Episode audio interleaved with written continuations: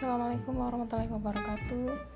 Eh, apa kabar teman-teman sekalian? Semoga dalam keadaan sehat ya, tetap menjaga sholat, zikir dan mempunyai pikiran yang positif. Semoga kita selalu dalam penjagaan Allah Subhanahu wa taala.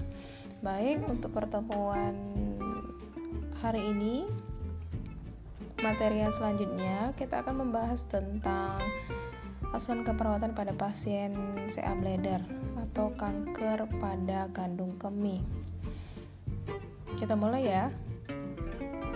Dimulai dari definisi. Jadi definisi dari CA bladder atau kanker kandung kemih itu merupakan uh, kanker urologi atau kanker jenis urologi atau pada bidang urologi yang memiliki tingkat kekambuhan tertinggi. Dan CA bladder karena memang CA bladder ini adalah kanker kandung kemih. Jadi definisi yang intinya itu yaitu kanker yang terjadi atau terdapat pada kandung kemih.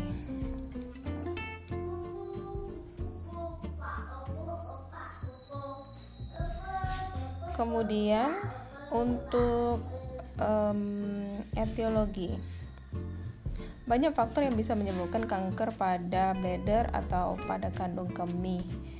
Eh, di antaranya ada umur.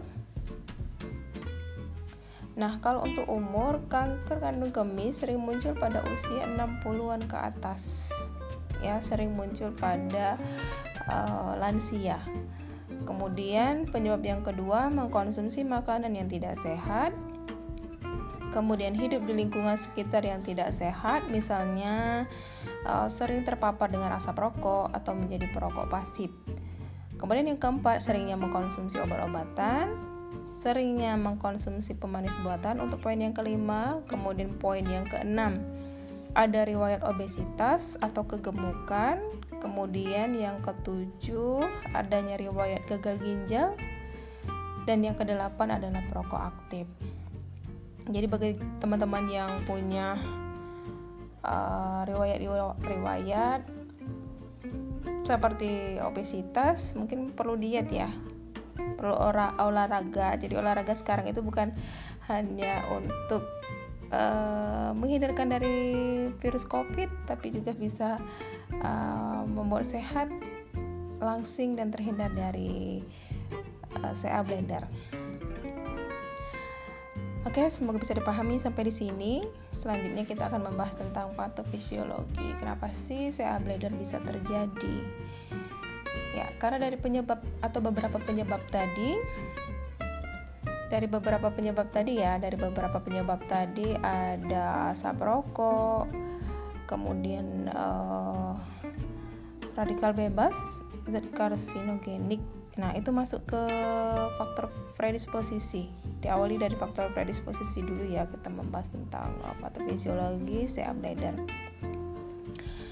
Nah, dari faktor predisposisi ini mempengaruhi atau diterima oleh orang-orang yang berumur 50 sampai 60 tahunan ke atas sehingga menyebabkan uh, imunnya menurun.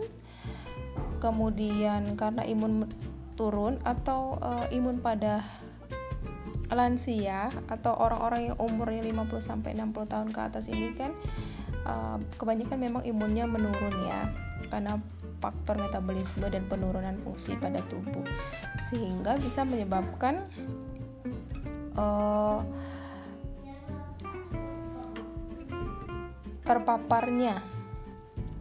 Ya jadi faktor predisposisi ini radikal bebas bisa uh, disebabkan juga oleh merokok zat karsinogenik uh, mempengaruhi atau terpapar pada orang-orang yang berumur 50 sampai 60 tahunan ke atas. Kemudian juga karena faktor umur uh, imun menurun. Kemudian karena imun menurun jadi terpapar terpapar ya terpapar dengan radikal bebas sehingga mempengaruhi sirkulasi darah uh, sehingga mempengaruhi kerja dari glomerulus ya dalam proses filtrasi. Kemudian radikal bebas yang sudah diterima oleh tubuh tadi bergabung dengan urin dan konsep atau proses itu berlangsung ram, uh, berlangsung lama dan terus menerus sehingga uh, terjadilah stagnasi radikal bebas. Kemudian mempengaruhi DNA dan RNA bisa mengalami kerusakan ya. Kemudian menstimulasi sel tubuh untuk melakukan perbaikan ada stimulasi tubuh karena uh, faktor dari radikal bebas tadi. Sehingga DNA mengalami mutasi pada genom sel somatik uh, sehingga bisa mengaktifkan onkogen sehingga bisa menyebabkan perubahan gen itu sendiri. Kemudian ada replikasi DNA yang berlebihan sehingga dari replikasi inilah akan muncul uh, benih-benih uh, CA bully atau uh, kanker bladder itu sendiri. Jadi faktor-faktor um, itulah yang bisa menyebabkan uh, perjalanan penyakit sehingga muncul uh, CA bully atau CA bladder itu sendiri. Semoga bisa dipahami ya patofisiologinya. Uh, kalau misalnya mendengar satu kali belum paham, mungkin bisa uh, diulang-ulang ya pemahamannya. Kalaupun misalnya belum jelas boleh nanti didiskusikan di grup WA. Oke, untuk yang selanjutnya uh, kita lanjut ke gejala klinis.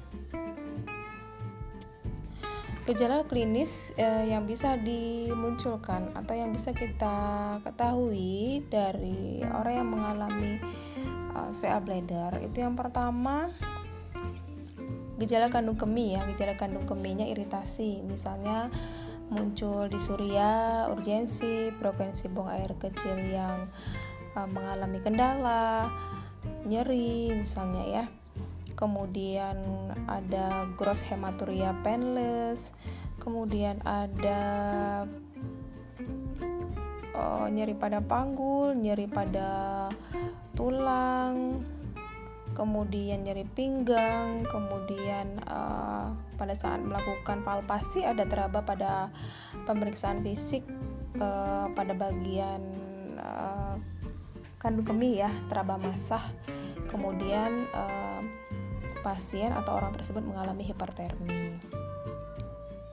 Untuk pemeriksaan diagnostiknya, pemeriksaan diagnostik ada orografi, kemudian ada uh, pemindai CT, kemudian ada ultrasonografi, kemudian ada sistoskopi. Itu yang bisa dilakukan untuk mendeteksi CA bladder. Kemudian yang terakhir pemeriksaan diagnostiknya bisa melakukan pemeriksaan bimanual di bawah anestesi. Pemeriksaan klinis yang sering juga disebut dengan pemeriksaan fisik bagian dalam untuk mendeteksi uh, CA bladder itu sendiri. Oke, untuk yang selanjutnya ada terapi. Terapi ini ada farmakologi dan non farmakologi.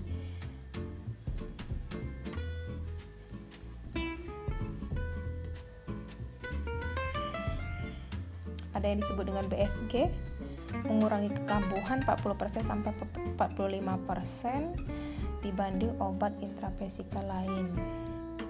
Kemudian beberapa penelitian menggunakan MMC dosis minimal sebagai kemoterapi intravesika itu bisa juga ini sudah menunjukkan efektivitas yang sangat tinggi terhadap karsinoma kandung kemih dan tidak mengakibatkan atau tidak muncul uh, efek samping dari MMC ini ya. Kemudian MMC tadi itu jenis obat ya yang tujuannya adalah untuk mematikan sel-sel kanker sehingga mukosa kan mukosa dari kandung kemih akan terbebas dari sel-sel kanker itu sendiri. Nah, kemudian kita bahas yang selanjutnya adalah masalah keperawatan ya. Untuk masalah keperawatan yang pertama ada inkontinensia urin, hiperpolemia, nyeri, hipertermia. Itu ya bahasan untuk CA bladder. Ini uh, sama dengan bahasan yang lalu. Ibu selalu mengingatkan ini adalah uh, inti dasar dari materi CA bladder.